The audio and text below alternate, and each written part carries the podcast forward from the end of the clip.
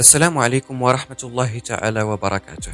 جمع ملك ذات يوم جميع حكماء مملكته فأمرهم جميعا أن يحضروا له عبارة تفيده تستلهمه في جميع الأوقات. احتار الحكماء كيف يمكن لهم أن يحضروا عبارة واحدة تستلهم تفيد ملكهم وقت الفرح كما وقت الشدة؟ مرت أيام وأيام ثم جاء اليوم الموعود. جاءوا بكلمات بعبارات فيها من الحكمة الشيء الكثير لكنها لم ترق ملكهم. وبقى الحال كما هو عليه حتى جاء حكيم معه رقعة مكتوب فيها كل هذا حتما سيمر. أعجب الملك كثيرا بهذه الحكمة بهذه العبارة وظل يستمع للحكيم وهو يشرح له أكثر فأكثر. يشرح له كيف أن الغني قد يغدو غدا فقيرا وكيف أن الفقير اليوم قد يغدو غدا غنيا. كيف يمكن لرئيس أن يكون اليوم ممجدا فيكون غدا فارا؟ كيف يمكن لمقاوم أن يكون اليوم فارا فيغدو غدا ممجدا؟ أحب الملك كثيرا هذه العبارة. فكتبها فوق عرشه ثم أرسلها إلى جميع أنحاء البلاد حتى يعرف الجميع حتى يتعلم الجميع حتى يتيقن الجميع. أن دوام الحال من المحال. مرحبا بكم في حلقة جديدة. أفغانستان من خروج الأمريكان إلى سيطرة طالبان. ابقوا معنا.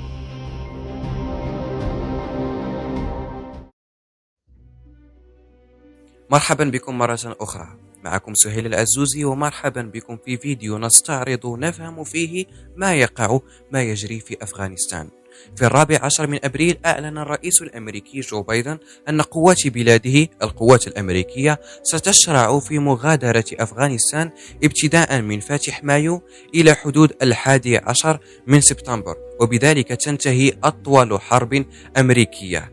كان هذا تمديدا لموعد الانسحاب السابق المحدد في فاتح مايو المتفق عليه بين الولايات المتحدة الأمريكية في عهد دونالد ترامب وطالبان. في الرابع من مايو شن مقاتلو طالبان هجوما كبيرا على القوات الأفغانية في ولاية هلمند الجنوبية كما هاجموا ما لا يقل عن ست مقاطعات أخرى. في الحادي عشر من مايو استولى طالبان على منطقة نيرخ خارج العاصمة كابول مع اشتداد العنف في جميع أنحاء البلاد. في السابع من يونيو قال مسؤولون حكوميون أفغانيون بأن أكثر من 150 جنديا أفغانيا قتلوا خلال 24 ساعة مع تفاقم القتال وأضافوا أن القتال مستعر في 26 من أصل 34 مقاطعة في البلاد. في 22 من يونيو شن مقاتلو طالبان سلسلة هجمات في شمال البلاد بعيدا عن معاقلهم التقليدية في الجنوب. يقول مبعوث الأمم المتحدة إلى أفغانستان إنهم استولوا على أكثر من خمسين مقاطعة من أصل 370 في ثاني من يوليوز القوات الأمريكية تنسحب بهدوء من قاعدتها العسكرية الرئيسية في أفغانستان قاعدة باجرام الجوية على بعد ساعة بالسيارة من كابول.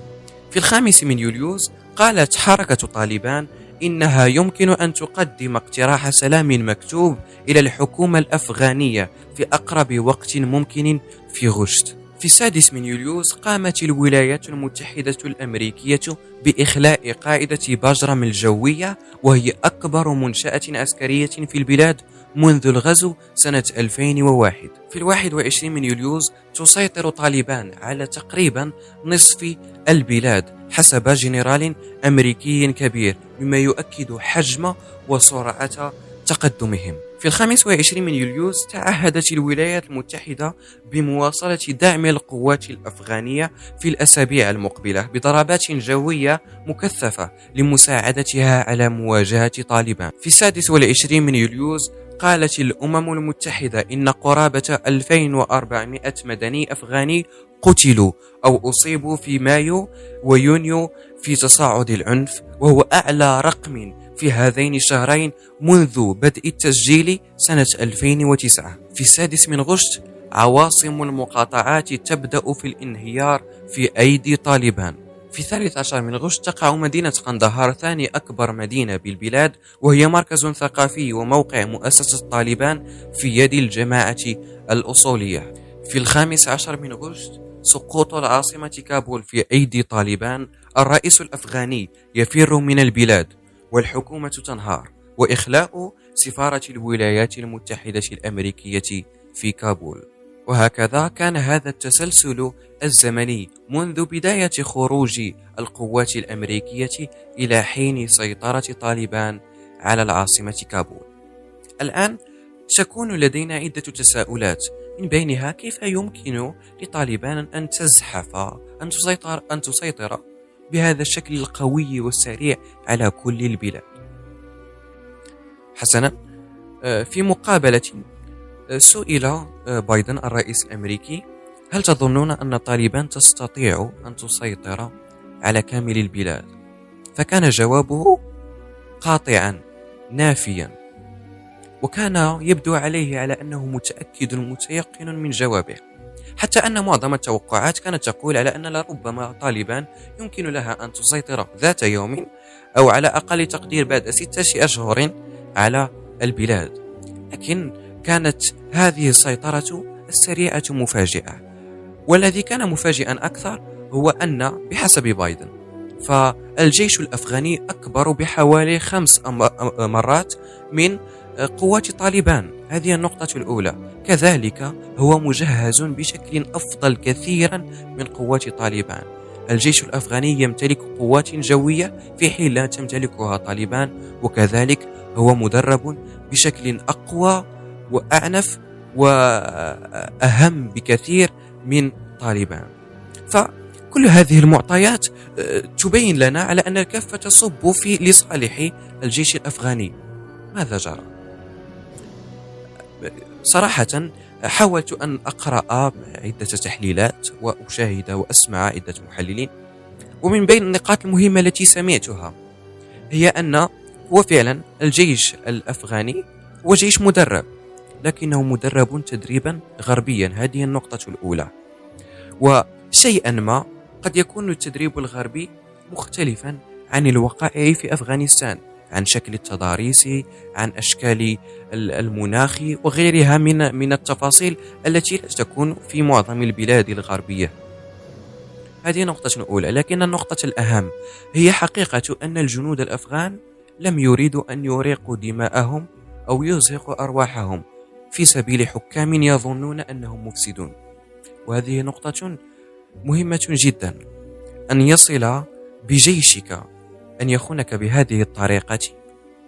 وهو على حق بالمناسبة يعني آه، صحيح أننا نسفك الدماء لي لي في سبيل أوطاننا إلى غير ذلك. لكن في مثال أفغانستان نرى كيف أنهم عرفوا أن رئيسهم لم يكن آه، ذاك الرئيس الذي ستقاتل وتحارب من أجله. وهذا واضح لأنه لم يجلس ويقاتل من أجلهم. فور أن حصرت كابول هرب من الدولة ككل. فهذه نقطة وددت أن أتحدث فيها. كذلك بايدن قال على أن خروج أمريكا في هذا الوقت بين على أنه كان لابد أن تخرج. وكان وقال على أن شعب أو جيش لا يستطيع أن يدافع عن نفسه سوف لن تتدخل أمريكا للدفاع عنه.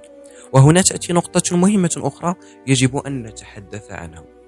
نقطة على أن دخول أمريكا لأفغانستان يرجع إلى سنة 2001 وكلكم تعرفون أن سنة 2001 كانت سنة آه، الهجوم آه، على ناطحتي السحاب الأمريكيتين هجوم معروف بالحادي عشر من سبتمبر. هو من بين الوقائع المعروفة جدا خصوصا عند الأمريكان. وهنا كسياسة هي أنهم فكروا أو قالت أمريكا للعالم على أنها سوف تخرج وتحارب الإرهاب خارج أراضيها حتى لا يصل إلى أراضيها.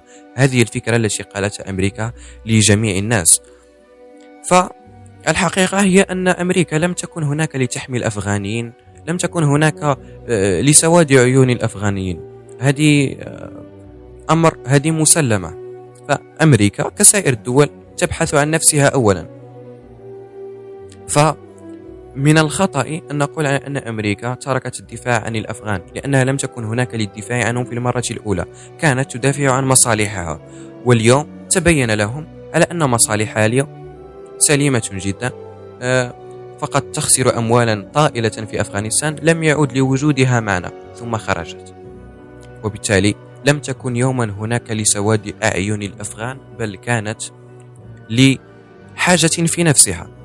فالنقطة التي قالتها لجميع العالم هي أن هناك لمحاربة الإرهاب. لكنني سمعت محللا يقول على أن في الثمانينات أو التسعينات كانت هناك تقارير لوكالة المخابرات المركزية الأمريكية CIA تقول هذه التقارير على أن بعد سقوط الاتحاد السوفيتي القوة الأولى أو القوة التي ستستطيع أن تجابه المعسكر الغربي القوة التي ستجابه أمريكا هي الصين.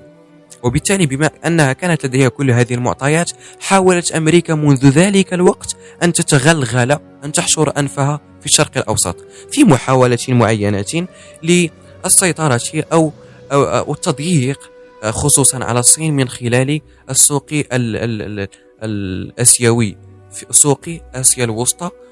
هناك محاولة أو أخرى لتضييق الخناق على الصين بهذه الطريقة. وسوف لن ندخل هنا كثيرا في التفاصيل. ويقال على أن دخولها لآسيا كانت تفكر فيه من طريقين. إما إيران أظن أو أفغانستان. ووجدت أن إيران هناك استعصت عليها أن تتدخل في إيران. ووجدت الوصفة اللازمة الدسمة موجودة في أفغانستان. آه، خصومات طائفية أمية كل هذه هي مقومات لنجاح تدخل غربي في دولة معينة. كانت هذين النقطتين وددت أن أتحدث عنها هي أن آه، حتى يتحلى الجنود بالبسالة ويحاربوا من من أجل بلدهم. لن يكفي فقط تدريب جيد لن يكفي فقط تجهيز هو الأفضل لن يكفي فقط التفوق العددي لكن هناك عوامل أخرى نغفلها. قد تكون في بعض المرات فقط نفسية.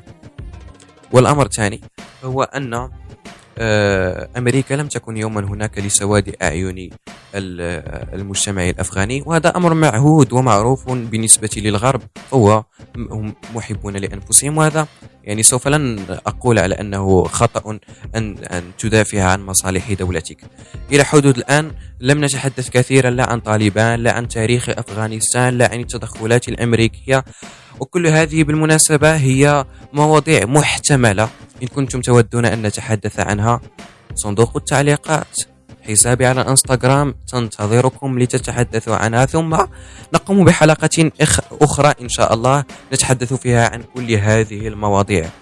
والآن نصل أو تصل حلقتنا إلى نهايتها. دمتم في خير. والسلام عليكم ورحمة الله وبركاته. في أمان الله.